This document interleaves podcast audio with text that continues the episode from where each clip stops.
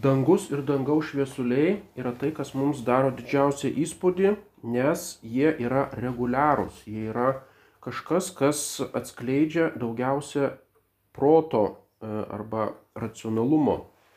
Jau Immanuelis Kantas yra sakęs, du dalykai pripildo mano protą nuolat didėjančios nuostabos ir pagarbios baimės Tai yra žvaigždėtas dangus virš manęs ir moralės dėsniai manyje. Pirmas dalykas, kuris žavėjo racionalų žmogaus protą, būtent yra žvaigždėtas dangus virš manęs. Tos žvaigždės, planetos, Saulė. Tai yra tokia iškiliausia tvarinijos e, sfera, būtent šviesuliai. Pirmiausia, jų šviesumas, tai kad Saulė duoda šilumą ir duoda gyvybę. Ir Taip pat reguliarumas, tarkim, visa geometrija, iš čia atsirado geometrinis, matematinis skaičiavimas, e, graikų filosofijos viena iš pirmųjų mokyklų arba tokia rimčiausia pradžia yra pitagorizmas, būtent iš astronomijos, iš stebėjimo tų šviesulių reguliaraus judėjimo. Tai, kas yra reguliaru, kas yra geometriškai griežta, tai yra proto arba racionalumo ženklas. Ir iš to paskui filosofai prieėjo prie kažkokio pasaulinio proto arba prie Dievo, kuris visą tai sukonstravo. Tarkim, kur mes galime gamtoje pamatyti geometrinės formas, tiesią liniją arba tikslų apskritimą. Tai yra ganėtinai retai. Visoje negyvoje gamtoje mes matom labai chaotiškus akmenų, kalnų formas, taip pat Gyvoje gamtoje visos organinės formos niekur nerasi beveik tiesios linijos ir tiesiog tikslaus apskritimo. Yra tik tai nedaugelis išimčių, tai yra kristalai arba snaigės arba kiti kristalai, kur matome tiesias linijas, geometrinės formas. Taip pat vandens paviršius, horizontas yra vos ne vienintelė tokia tiesi linija gamtoje, kurią matome. Ir ypač šviesos spindulys dulkėtame ore einantis šviesos spindulys yra kaip e, pirmas toks provaizdis tiesios linijos. Arba apskritimas, tai yra Saulės diskas, minulis, muilo burbulas. Yra visai nedaug tokių formų, kur matome tokį prieartėjantį prie idealo apskritimą. Taigi žmogaus protas instinktyviai ieškojo tokių formų ir būtent jas tyrinėjo, iš to atsirado geometrijos, matematikos mokslas ir taip toliau. Taigi matome, iš kur yra dangaus ir šviesulių siejimas su protu. Pirmiausia, su Dievo arba atvėrėjo protu, bet taip pat su angelų protu. Pradžios knygos pirmose skyriuose griežtai atsisakoma angelologinės tematikos, niekur neskaitome apie angelus, nei apie angelų sutvėrimą, nei apie angelų nupolimą. Intencija Mozės, rašant tą knygą buvo antipoliteizmas, antipagonybė. Tai yra kosmoso desakralizavimas, atplėšimas nuo kažkokių įtakų, kurios nėra betarpiškai iš Dievo tvėrėjo. Reiškia iš visų žemesnių būtybių, taip pat demonų ir angelų. Kalbama tik apie žemiškų būtybių hierarchiją. E, pirmiausia, Dievas sutvėrė šviesą, šviesulius, paskui sutvėrė erdves šitos Žemės planetoje, paskui tas erdves apgyvendino judančiomis būtybėmis. Pagonis ypač šviesulius siejo su savo dievybėmis, kurias mes sakėme, tai yra demonai. Šviesuliai pabrėžtinai priskiriami Sename testamente materialios tvarinijos sferai, kad juos desakralizuot, atplėšt nuo šito e, garbinimo arba šviesulių kulto. Ir dangus, ir žemė pradžios knygoje priklauso vienai materialios tvarinijos sferai, mes sakėme, tai yra viena karalystė iš dviejų dalių, ne dvi visiškai skirtingos karalystės. Ir štai gyvybė arba psichė graikiškai atsiranda tik tai su gyvūnais, o dvasia, graikiškai pneuma, atsiranda su kvėpimu į adomą, su žmogumi. Taigi psichė ir pneuma, gyvybės arba sielos ir dvasios tos dvi sferos, jos prasideda nuo gyvūnų ir nuo žmogaus. Taigi visiškai aišku, kad pradžios knygoje nei Saulė, nei Mėnulis, nei žvaigždės neturi nei psichė, nei pneuma. Tai nėra gyvos būtybės. Kita vertus, būtent Senasis testamentas išskiria judančius tvarinius. Reiškia, tie judantis tvariniai sudaro, kaip sakėme, kareivijas, cevaot, kareivijas arba tokius spiečius arba būrius ir atlieka ypatingą funkciją.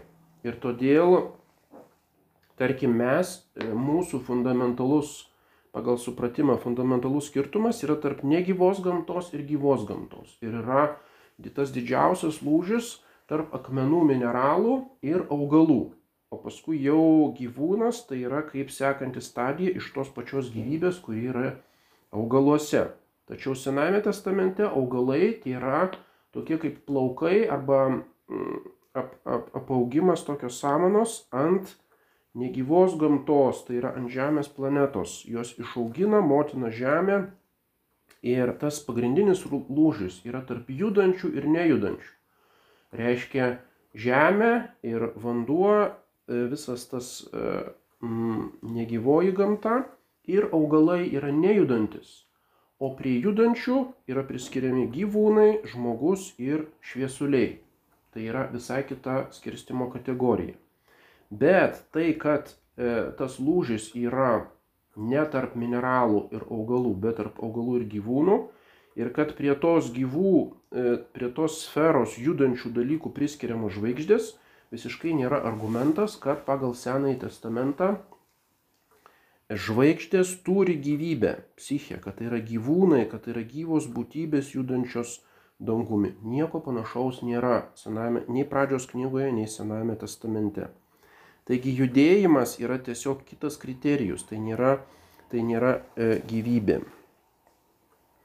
Ir būtent tuo skiriasi Senasis testamentas nuo Aristotelio. Jeigu šviesuliai juda, tos dangaus sferos juda, pasak Aristotelio ir kitų graikų filosofų, reiškia, kad jos yra gyvos ir netgi yra protingos, nes jos e, mm, reiškia reguliariai juda.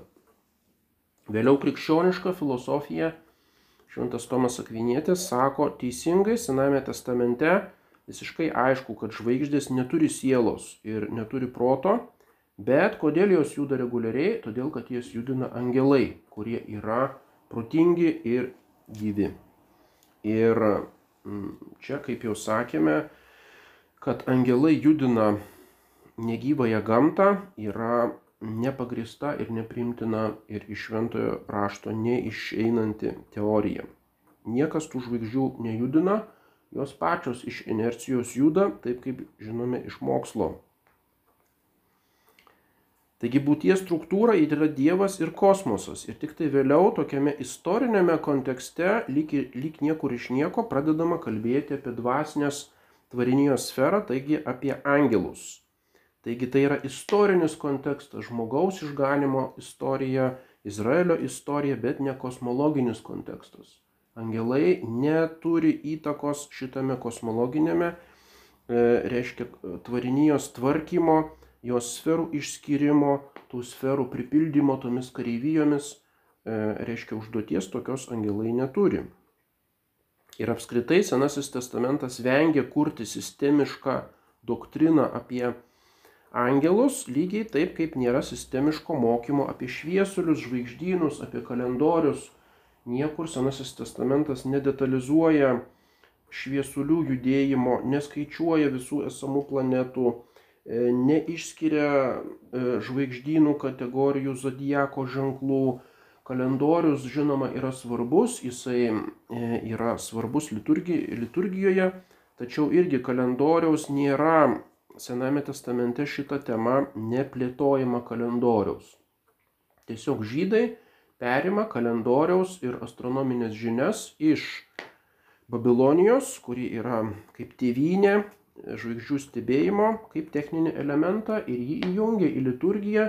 Yra metų ciklas, yra mėnesiai, yra žvaigždžių judėjimas, bet į šitą nesigilinama specialiai, nes būtent visas kalendorius zodijakas, žvaigždynų sistema, šviesuliai ir visa kita Babilonijoje buvo garbinimo objektas, tai buvo pagrindinis pagonybės elementas. Ir todėl Senasis testamentas šitos žvaigždžių sferos šiek tiek e, nuo, jos, nuo jos atsiriboja. Tačiau ta babiloniškoji sistema jau ima veikti judaizmą e, vėlimajame maždaug Kristaus laikais, jau rabinai priskiria klasifikuoja septynis arkangelus, kurie valdo septynias planetas ir valdo septynias savaitės dienas. Jau reiškia šitą matematinis mąstymas ir skirstimas jau yra susijęs su angelais.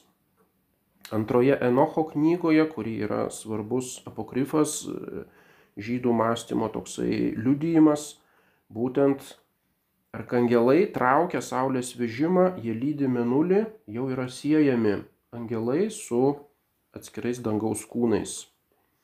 Angelai valdo metų laikus, jie valdo mėnesius, dienas, nors pradžios knygoje aiškiai skaitome, kad šitas darbas patikėtas yra šviesuliams, o ne angelams, jau vėlyvasis judaizmas sako, kad angelai valdo šitą visą kalendorinę sferą. Jie taip pat valdo vėjus, audras, upes ir jūras, augalų, augalų vaisingumą, metalus.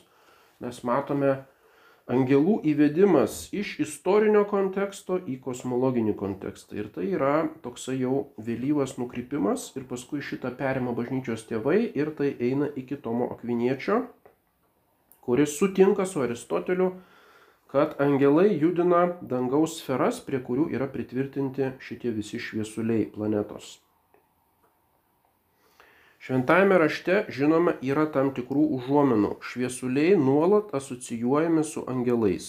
Kodėl? Tiesiog dėl savo iškilumo, nes tai yra dangaus sfera, tai yra arti dangaus, arti tos dangiškos sferos dėl savo reguliaraus protingo judėjimo ir dėl savo šviesumo, kadangi angelai irgi neša ant gamtinę šviesą, jie patys švyti tą dievišką šlovę ir todėl galima iš Seno testamento klaidingai interpretuojant būtent susijęti tos šviesulius su angelais. Ir netgi iš kai kurių citatų atrodo, kad tie šviesuliai yra protingos būtybės. Tarkim, 147 psalmė. Dievas nustatė žvaigždžių skaičių, kiekvieną jų vardu vadina. Reiškia, meiliai vadina kaip kokią asmenybę žvaigždę vardu. Izaijas 40 skyrius. Akis pakelkit ir pasižiūrėkit į aukštybės, kas jas sukūrė, tasai, kuris atveda jų pulkus, jas suskaičiuoja ir šaukia kiekvieną jų vardu. Dėl jo didžios galybės ir beribės jėgos ne viena nedrįsta neateiti. Nedrįsta neateiti. Bet čia yra visiškai aišku, kad tai yra poetinis antropomorfizmas, sužmoginimas. Tai yra poetiniai tekstai, kurie visiškai nenori teikti, kad iš tikrųjų tos tie žvaigždės ir tie šviesuliai yra protingos ir laisvos valios būtybės, kad jos drįsta arba nedrįsta kažko daryti ir būtent dėl to Dievas jas šaukia vardu. Lygiai taip pat gyvūnai, juk Adomas šaukė juos vardais, reiškia pagal jų rūšis, jisai instinktyviai suvokė, reiškia arkliškumo esmę ir šaukia arklys, čia yra arklys, reiškia duoda rūšims vardus, taip kaip skaitome pradžios knygoje. Bet tai visiškai nereiškia, jeigu Adomas suteikia jiems vardus, nereiškia, kad juos laiko asmeninėmis ir saulygiamis būtybėmis. Nes paskui visiškai aiškiai rašoma, kad Adomas skundžiasi Dievui, kad jis nerado savo lygaus partnerio tarptų gyvūnų, nors juos šaukė meiliai vardais. Ir tada turėjo sutverti Ievą, kuri yra protinga ir laisva būtybė lygi Adomui savo prigimtimi. Taigi analogiškai galima sakyti, jeigu Dievas šaukia žvaigždės vardais, tai jis irgi tiesiog jas, galima sakyti, klasifikuoja, jas e, tais vardais kontroliuoja parodo savo galę toms žvaigždėms, e, bet e, tai visiškai nereiškia, kad jos yra protingos būtybės. Pradžios knygoje šviesuliams pavesta reguliuoti laikotarpius - valandas, dienas, mėnesius ir metus. Ir iš tikrųjų matome dienos ciklas, tai yra sekundės, minutės, valandos, paskui yra mėnesio ciklas, dienos, mėnesiai, metų ciklas, visa tai yra aiškiai reguliuojama E, e, Saulės ir Menulio, šitų dviejų dangaus kūnų reguliaraus judėjimo. Ir štai laikotarpių reguliavime, koksai laikotarpis išsiskiria iš šito konteksto, tai yra savaitė. Savaitė tai nėra ketvirtis mėnesio, tai yra visiškai nuo mėnesio ciklo nepriklausomas kas septynias, reguliariai kas septynias dienas einantis ciklas. Ir tai yra skirtingai nuo visų kitų laikotarpių ciklų, yra antgamtinis laiko matas. Tai yra specialiai e, religijos istorikai pripažįsta, kad septynių savaičių ciklą įvedė būtent judėjai. Tai yra grinai judaizmo Senojo testamento religinis laiko skaičiavimas, kuris remiasi pradžios knygos būtent pirmojų skyriumi, kur Dievas sutvėrė pasaulį per septynias dienas ir kas septynias dienas atsikartoja tasai ciklas ir ateina šabas, Naujajame testamente ateina sekmadienis.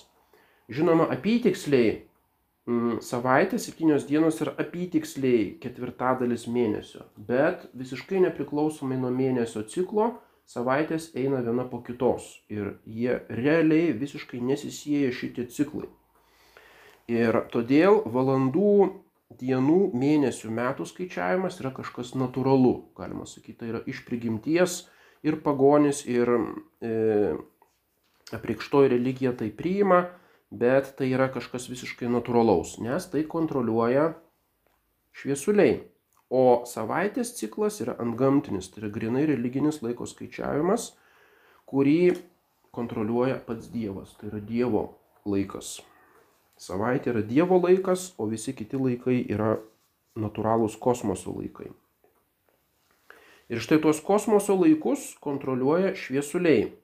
104 psalmė pakartoja tai, kas yra pradžios knygoje.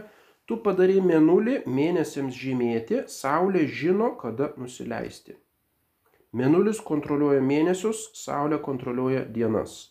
Ir Saulė žino, kada nusileisti. Žino, tai vėlgi yra poetinis antropomorfizmas, visiškai nereiškia, kad psalmistas teigia, jog Saulė turi protą ir pati apsiskaičiuoja, kada jai nusileisti. 136 psalmė. Tam, kuris padarė didžiuosius šviesulius, nes jo gailestingumas amžinas. Saulė valdyti dienai, menulį ir žvaigždės valdyti nakčiai. Jeremijas 31 skyrius. Taip kalbėjo viešpats, tas, kuris duoda saulę, kad šviestų dieną, liepė mėnuliu ir žvaigždėms, kad šviestų nakčia.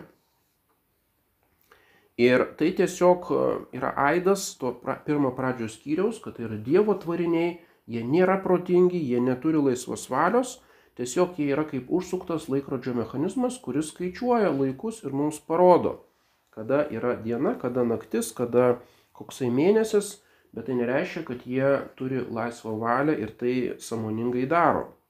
Liepia menulių žvaigždėms, kad šviestų nakčia, tai tiesiog liepia ne taip kaip laisvai asmenybei arba kaip gyvūnui liepia, bet e, tiesiog nustato tą tvarką. Ir ką tai reiškia? Viešpats, kuris duoda saulę, kad šviestų dieną, liepia menulių žvaigždėms, kad šviestų nakčia. Reiškia, visi šitie natūralūs laikų ciklai yra valdomi galų gale Dievo protingo. Jisai nustatė tos visų ciklų protingumą. Ir reiškia, visos valandos ir visos dienos ir visi mėnesiai priklauso Dievui. Tai yra Dievo nusavybė, tai yra Dievo apvaizdos tvarkomi laikai. Ir tai yra pagrindinis argumentas prieš prietarus, kai tai yra laimingi laikotarpiai ir nelaimingi laikotarpiai. Reiškia, vienų laikotarpių priskirimas angelams, o kitų laikotarpių priskirimas demonams tarkim penktadienis kažkokia nelaiminga diena arba 13 mėnesio diena nelaiminga diena. Tai yra giliai pagoniški prietarai, kurie atskirus laiko tarpus staiga rezervuoja demonams ir jų kenksmingai veiklai. Tai yra visiškai nesuderinama su Seno testamento vizija. Ar penktadienis, ar 13 diena, visi absoliučiai laikai ir visi metai, netgi jeigu tai būtų 666 metai šešto mėnesio šešta diena ir šešta valanda, visi šitie laikai valdomi Dievo ir čia nieko bendro neturi su demonais ir jų demonizavimas yra grinai pagoniškas prietaras. Ir apie tai rašo Paštalas Paulius laiškė Galatams ketvirtas skyrius. Jūs laikotės dienų, mėnesių, laikotarpių, metų. Aš tikrai baiminuosi dėl jūsų, kad kartais nebūčiau veltui triūsęs jūsų labui. Sako, susipraskit, krikščionis, ką jūs čia dabar laikotės tų pagoniškų, tai yra natūralūs ciklai, kurie, reiškia, Dievo nustatyti ir jų paisimas ar kažkoks prietaringas jų naudojimas, e, reiškia observancija, reiškia vana observancija, tuščias stebėjimas ir paisimas tų laikų, yra prietaras. Ir, ir tada Paulius piktinasi, negi aš veltui čia jums skelbiu Evangeliją, kad yra Jėzus Kristus, kuris valdo viską, jis yra laikų karalius ir ką jūs čia dabar um, prietaringai priskiriate tai kažkokiems demonams. Yra tokia įdomi psalmė, 191 psalmė. Nereikės tau bijoti nakties klaiko, nei strėlės iššautos dieną, nei maros sėlinančio tamsoje, nei rykštės čaižančios vidudienį. E, čia taip yra išversta iš hebrajiško teksto, čia rykštės čaižančios vidudienį, lotyniškai ab inkurso et demonijo meridiano. Ir tai yra labai populiari tema pas bažnyčios tėvus ir pirmuosius vienuolius demonų meridianų.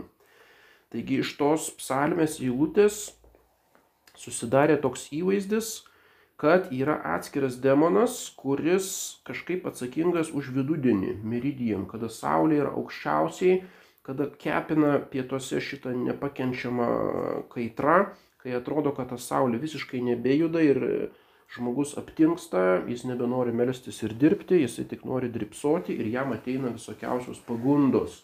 Ta valanda didžiausios pagundų laikas. Demonium ir dianum. Mikevat Ješut ha Cahoraim naikinimo eikvojančio, reiškia, eikvojantis naikinimas vidudienį, kuris švaistantis naikinimas, kuris švaisto visas gyvybinės jėgas ir būtent tai ateina vidudienį. Tai atrodo, kad vis dėlto tas vidudienio valanda yra kažkokia tai tokia biški demoniška.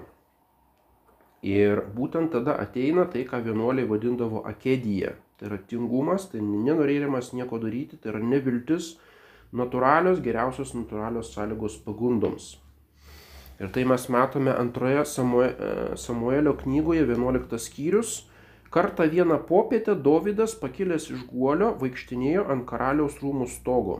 Nuo stogo jis pamatė besimaudančią moterį. Ta moteris buvo labai graži. Ir tai yra Urijo žmona Betsabe. Tai yra didžiulė Dovido nuodėmė ir paskui iš tos nuodėmės seka kitos nuodėmės, tai yra jo didžiausias puolimas per jo karaliavimo laiką. E, ir būtent kada jisai pasira, pasirodė ta pagunda, kai jis vaikštinėjo savo aptingęs tą popietę, karštą popietę ant stogo. Reiškia, tas demonų meridianum jį užpuolė. Aišku, tai nereiškia, kad vidudienis yra priklauso kažkaip tai demonui. Demonas tiesiog išnaudoja tą, tas natūrales karštas sąlygas savo gundimui, bet nereiškia, kad ta valanda yra kažkokia prakeikta. Tai yra šviesuliai, paskui yra dangus dangus, e, mes sakome, dangaus kliautas, reiškia tas nuostabus, mėlynas arba juodas dangus naktį įkvėpia ne tik tai poetus, bet yra giliai religinis jo kontempliacija, to dangaus kontempliacija. Ir būtent ta angelų sfera, į kurią eis taip pat šventieji, kur yra sutverta sfera, ji taip pat vadinama dangumi, kaip analogija su šito. Ir netgi ta transcendentinė, absoliučiai transcendentinė sfera, kurioje yra Dievas, jo aišku neįmanoma lokalizuoti, taip pat laikoma dangumi ir sakoma, kad Dievas yra danguje. E, Sename testamente naudojamas žodis šamajim, tai yra daugiskaito žodis, panašiai kaip Elohim. Ir štai kodėl dabar dangus, ne vienas dangus, o yra dangus. Ir niekur šitas nedetalizuojamas Senajame testamente, kad tai yra atskiros erdvės arba atskiros sferos. E, yra tik tai skirtumas tarp šviesulių ir oro arba kritulių sferų. E, reiškia, kur yra viršutiniai vandenys, apatiniai vandenys. E, bet būtent šita kosmoso struktūra nėra detalizuojama Sename testamente ir jis visiškai šitą temą neužsijima. Ir šitokį struktūrizavimą mes matome būtent Babilonijoje, tai yra labai išvystyta įvairiausias skaičiavimas tų visų dangų ir dangų sluoksnių. Ir paskui graikų filosofijoje mes matome sferų mokymą nuo Pitagoro, kad tos sferos tai yra tokie kristaliniai, labai, visiškai idealūs permatomi rutuliai. Ir prie tų sferų yra pritvirtintos žvaigždės, pritvirtinta Saulė, pritvirtintas Minulis ir pritvirtintos planetos. Ir ne pati Saulė arba pats Minulis juda, bet ta sfera sukasi. Jos tos visos sferos yra koncentrinės, centre yra Žemė ir jos sukasi be jokios trinties, gražiai idealiais judesiais. Ir todėl atrodo, kad e, planetos arba visa žvaigždžių sfera arba Saulė ir Mėnulis sukosi. Reiškia, ne jie patys lekia kažkaip tai, bet tos sferos juos suka. Ir graikų filosofija būtent tos sferos, galima sakyti, yra protingos. Jos turi savyje tą protą ir reguliarumą. Ir tos sferos savo protingą tvarką valdo visus žemiškus kūnus. Reiškia, tas jų reguliarus sukimasis kontroliuoja visus gyvūnus, augalus, žmogaus kūną ir taip toliau. Ir šitą vaizdinį priima taip pat Tomas Akvinietis.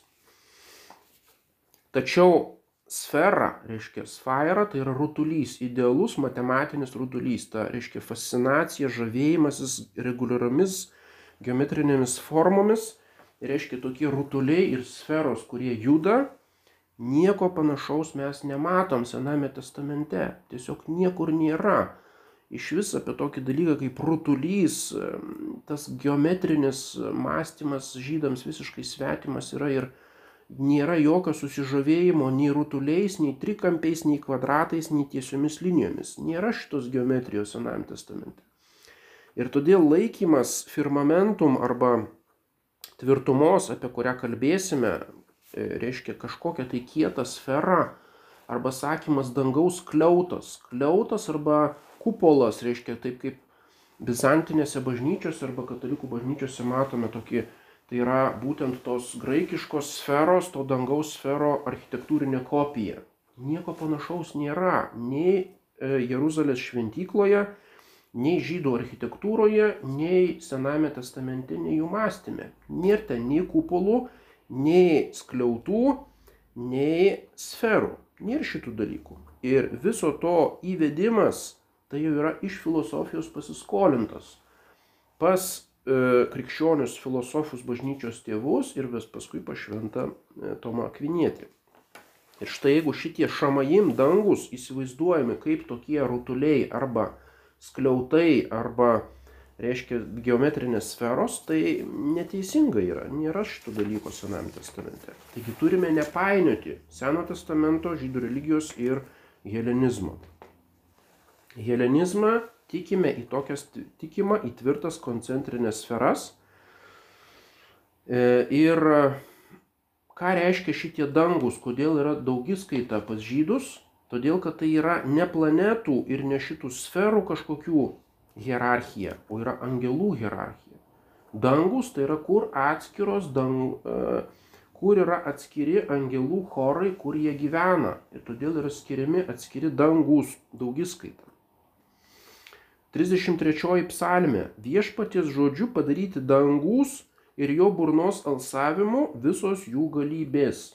Šičia galybės tikriausiai reiškia ne žvaigždės, o reiškia angelus. Tie dangus yra būtent tos sferos, kur gyvena atskiros angelų kategorijos, atskiros jų hierarchijos. Būtent šitai reiškia dangus, o ne, kaip įsivaizdavo graikai, būtent atskirų šviesulių sferos. Ir štai tą patį reikėtų pasakyti apie apaštalą Paulių. Antras laiškas korintiečiams 12 skyrius. Ir reikia girtis eisiu prie viešpatės rėgėjimų. Pažįstu žmogų Kristuje, kalba apie save, kuris ar kūne ar be kūno buvo pagautas ir iškeltas iki trečiojo dangaus. Ir žinau, kad šitas žmogus, tai yra Paulius, buvo paimtas į rojų ir girdėjo slaptingus žodžius, kurių nevalia žmogui ištarti. Paštalas Paulius buvo mystikas, jis turėjo mistinės šitokios e, patirtis arba pagavas arba vizijas ir štai jis pakeltas iki trečiojo dangaus. Ką tai reiškia? Jis nepakeltas iki, koks ten yra trečiasis planeta, Venera ar Marsas, ne iki šito jis buvo pakeltas, o jis buvo pakeltas į dangaus angeliškąją sferą, tikriausia serubių, serafų ir kerubų hierarchijos lygmenį. Reiškia, šitai reiškia. Ir taip pat tą vietą jisai vadina rojumi, tai reiškia sulygina su pirmųjų žmonių palaimingąją gyvenimo vieta.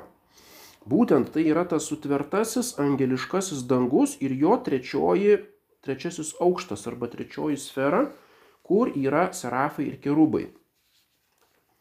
Ir tenais jis girdi tuos paslaptingus, slaptingus žodžius, kurių nevalia žmogui ištarti. Kažin ar tai buvo Dievo žodžiai. Galima sakyti, kad tai buvo būtent šitie lokucijo angeliorum. Tai buvo angelų tarpusavio pasikalbėjimai e, būtent apie Dievo šlovę. Jis girdėjo šitą angelišką kalbą. Būtent šitaip reikia suprasti.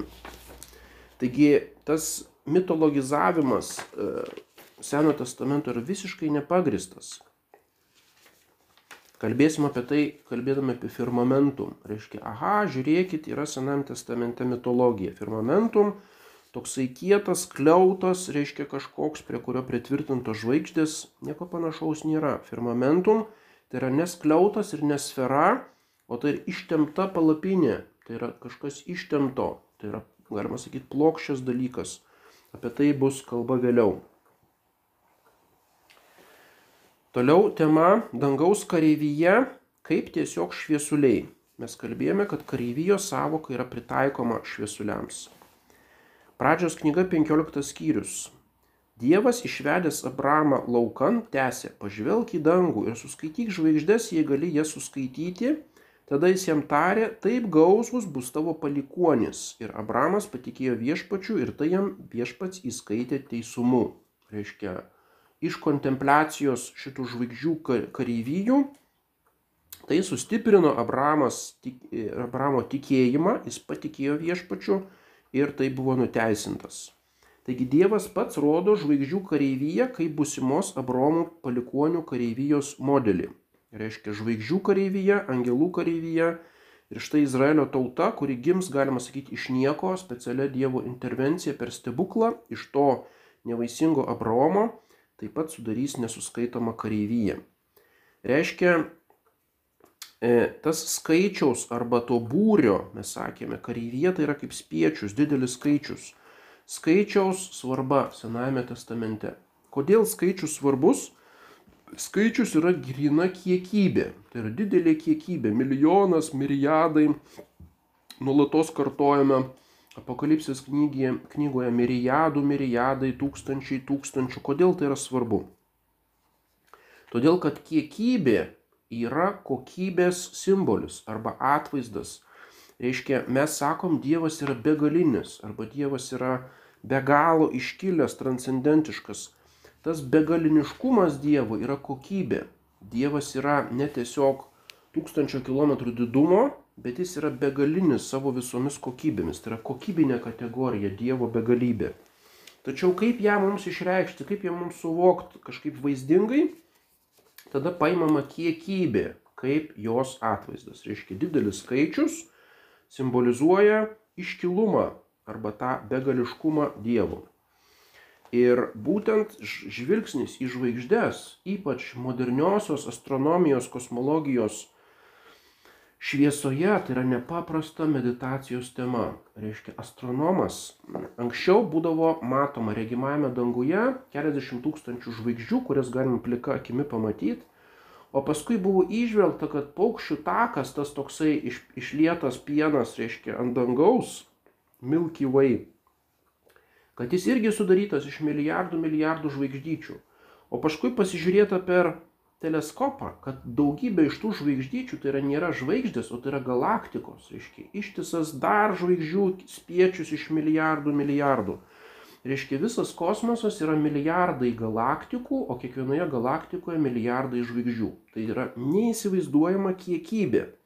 Atrodo švaistimasis, Dievas švaistosi, reiškia, kiekiu, jis galėjo sutverti tūkstančių žvaigždžių ir jau būtų visiškai pakakę. Arba galėjo sutverti, kad ta kosmoso erdvė būtų 10 milijonų kilometrų ir tai jau žmogus nenuskristų ir būtų jam visiškai pakankamas milžiniškas dydis. Bet ne, kosmoso erdvės tas platumas ir žvaigždžių begal, begalinis jų skaičius, kuris yra grinai kiekybinis, jis yra natūralus pėtsakas arba simbolis Dievo begališkumo. Mes žvelgdami į tas galaktikas ir žvaigždės galime įsivaizduoti, koks Dievas, kuris yra viso to atvėrėjas, koksai yra jisai begalinis. Tai yra tokia kaip fundamentali instrumentas, fundamentalus Dievo meditacijai. Nepaprastas dalykas. Ir lygiai taip pat turime skaityti, tarkim, skaičių knygą. Kas bando skaityti šventą raštą, tai pradeda skaityti nuo pradžios knygos, paskui išėjimas, viskas gražu, o paskui prieina prie skaičių knygos ir jau tiesiog jam baisiai nuobodu pasidaro. Tiesiog skaičiuojama iš tos giminės 1235, o tų kunigų buvo 3446 ir tų skaičių eilės ištisais puslapiais skaičiuojama ir skaičiuojama ir skaičiuojama. Kam dabar viso šito reikia? Ir dabartinis skaitytojas tiesiog yra papiktinamas šitos skaičių knygos ir ją iš viso užverčia nebeskaito. Kam visi tie skaičiukai? Ar čia yra kažkoks uh, žydų, reiškia, specifinis užsisėdimas, reiškia, ant skaičių ir skaičiavimo. Ne, reiškia, šita matematinė kiekybė ir tikslus suskaičiavimas turi religinę reikšmę. Suskaičiuoti tai reiškia kontroliuoti, tai reiškia valdyti, įvertinti, e, reiškia esamas pajėgas kariuomenės. Tai yra kareivijos suvaldymas ir jos nukreipimas į mūšį, į tam tikrą tikslą. Ir būtent taip skaičiuojami visi tie būrėjai ir atskiros giminės Izraelio tautoje. Tie skaičiai turi religinę reikšmę, kadangi būtent Dievas sakė, suskaičiuok dangaus žvaigždės, taip gausus bus tavo palikuonis. Ir štai skaičių knyga dabar jau skaičiuoja tuos palikuonis, Abromo palikuonis ir džiaugiasi. Kiekvienas tas skaičius yra religinio džiaugsmo šaltinis liudija, kad Dievas įvykdė pažadą pagausinti palikuonis Abraomui, Izaokui, Jokūbui ir visiems kitiems. Reiškia, Dievas ištikimas, jisai vykdo savo žodį ir tasai skaičius auga e, tiek Izraelio tautoje, tiek paskui išrinktųjų skaičius Naujame testamente. Ir kuo didesnis tas skaičius, tuo geriau. Reiškia, angelai džiaugiasi, kad tas skaičius galiausiai pasieks savo pilnatvę Ir būtent tas skaičius bus prijungtas prie angelų chorų danguje. Tai turi giliai religinę reikšmę. Ir todėl mes taip pat skaičiuojame tikinčiuosius, yra skaičiuojama, kiek kiekvienoje diecezijoje arba visame pasaulyje yra tikinčiųjų. Tai nėra grina sociologinė statistika, bet yra tam tikras mm, manimas, kiek vis dėlto bus tų išganytųjų. Ir todėl apokalipsės knygą skaito bus 144 tūkstančiai, iš vienos giminės 12 tūkstančių, iš kitos 12 tūkstančių ir nepavarksta, kur išskaičiuoja iš kiekvienos po 12 tūkstančių, o paskui didelis skaičius iš visų tautų. Šitie skaičiai turi religinę reikšmę, nepaprastai svarbus ir įdomus, kadangi visos tos sielos yra Dievo suskaičiuotos, jos yra įtrauktos į angelų buhalterijos knygas, mes sakėme, angelai dalyvauja teisme, kaip tokie teismo raštininkai, Jie atneša iš archyvo tas knygas, atverčia ir sako, šitoje knygoje įrašyta šita ir šita pavardė. Visi yra suskaičiuoti vardu ir pavardę ir įtraukti į dangiškąją buhalteriją. Ir šitos sielos, kurios yra rašytos gyvenimo knygoje, jos nepražus. Jūs esate visi šitame skaičiuje. Tai nepaprasta viltis. Reiškia tas Dievo suskaičiavimas. Mes esame Dievo įskaičiuoti į jo sūnų, į angelų hierarchijų skaičių. Adomui Dievas liepia pačiam daugintis, e, bet savo ypatingai misijai pasirenka Abromą su jo nevaisinga žmona. Reiškia, dauginimas jis yra Dievo dovana, tos teisiųjų kareivijos didinimas ir tai kareivijai atiduodama valdyti žemę, kurie prigimties teisė jau gyvena, natūraliai išsiplėtę autochtonai, reiškia kananiečių tautos. Ir dabar ypatinga misija yra išganimo misija. Ir čia jau yra ne šiaip savo dauginimasis, taip kaip iš Adomo. Mm. Plėskite savo giminę, bet tai yra specialus Dievo stebuklas. Jau Abromo palikonis, tai jau yra specialus Dievo tvarinys. Kiekvienas tas teisusis dangui jau yra Dievo malonės veiksmas, o ne žmonių natūralaus dauginimas veiksmas. Ir todėl tas skaičius kuris yra Dievo padarytas, yra daug svarbesnis už skaičių, kuris iš prigimties kilęs. Ir todėl šitie autochtonai, kananiečiai, jie taip pat dauginosi, jie vykdė tą įsakymą, už, užvaldė šitą žemę, Kanano žemę, Bet dabar šitas žemės lopinėlis iš visos planetos, tai yra šventoji žemė, rezervuotas Dievo specialiai žydų tautai, šitiems Adomo, e, Abromo, Ab Abromo, Izoko, Jokūbo palikuonėms, izraelitams. Ir viskas. Ir jie jau turi teisę virš šitų autochtonų, taip kaip jų stebuklingas dauginimasis turi teisę virš natūralaus dauginimuose. Ir todėl jie išvedami iš Egipto žemės ir turi Dievo valia teisę užimti ir kontroliuoti pažadėtąją žemę. Lygiai taip pat yra su Naujame testamente. E, žinoma, tai jau nėra krikščionybės misija, kad mes ateinam ir, reiškia, išstumėm kažkokius natūralius gyventojus. Tai yra visiškai klaidinga interpretacija, kuri buvo kai kur klaidingai skaitant Senąjį testamentą pas kolonistus krikščionis. Tačiau mes didiname skaičių ir visa Žemės planeta priklauso katalikams priklauso išganytiesiems tai naujajam Izraeliui. Ir tuos autochtonus arba tuos natūraliai pasidauginusius žmonės mes turime ne išstumti ar kažkaip tai išnaikinti, bet juos turime atversti, juos turime inkorporuoti į mūsų išganytųjų skaičių. Taigi skaičiaus reikšmė yra milžiniška ir labai svarbi. 33 33 psalmė. Viešpaties žodžiu buvo padaryti dangus ir jo burnos alsavimu visos jo galybės. Tos galybės kaip kareivijos. Mes kalbėjome, kad galbūt čia turime omenyje angelai, bet ta citata tinka ir žvaigždėms. 89 psalmė per amžius gyvos jo palikuonis, jo sostas bus saulė mano akise tarsi mėnulis, kuris visada yra ištikimas liudytojas dangaus skliaute. Reiškia, Saulė ir mėnulis yra kaip tokie Dievo tarnai, e kurie kaip kareivijos, kurios atlieka kažkokią tai funkciją. 40, e, Izaijas 40 skyrius. Akis pakelkite ir pažvelkite į aukštybės, kas jas sukūrė. Tasai, kuris atveda jų pulkus, jie suskaičiuoja ir šaukia kiekvieną jų vardu. Dėl jo didžios galybės ir beribės jėgos nei viena nedrįsta neateiti. Jau šitą matėme. Reiškia, e, žvaigždės kaip tokie pulkai, kurie kaip kareiviai nedrįsta neteiti, visi taip pat gražiai išsirikiuoja, kai Dievas juos pašaukia. Izaijas 44 skyrius Dangus džiūgaukite, nes viešpats tai padarė, valiuokite žemės gelmes. Kalnai šokinėkite gėdodami draugė su miškais ir visais jų medžiais, nes viešpats išpirko Jokūbą, per Izraelį parodys šlovę savo. Aišku, tai poetinis tekstas, taip kaip kalnai šokinėja ir medžiai džiūgauja, tai nereiškia, kad jie iš tikrųjų protingi yra ir šokinėja. Lygiai taip pat ir dangus ir um, visi šviesuliai nereiškia, kad jie yra protingos būtybės, tiesiog tai yra kareivijos, kurios tarnauja nesamoningai Dievui.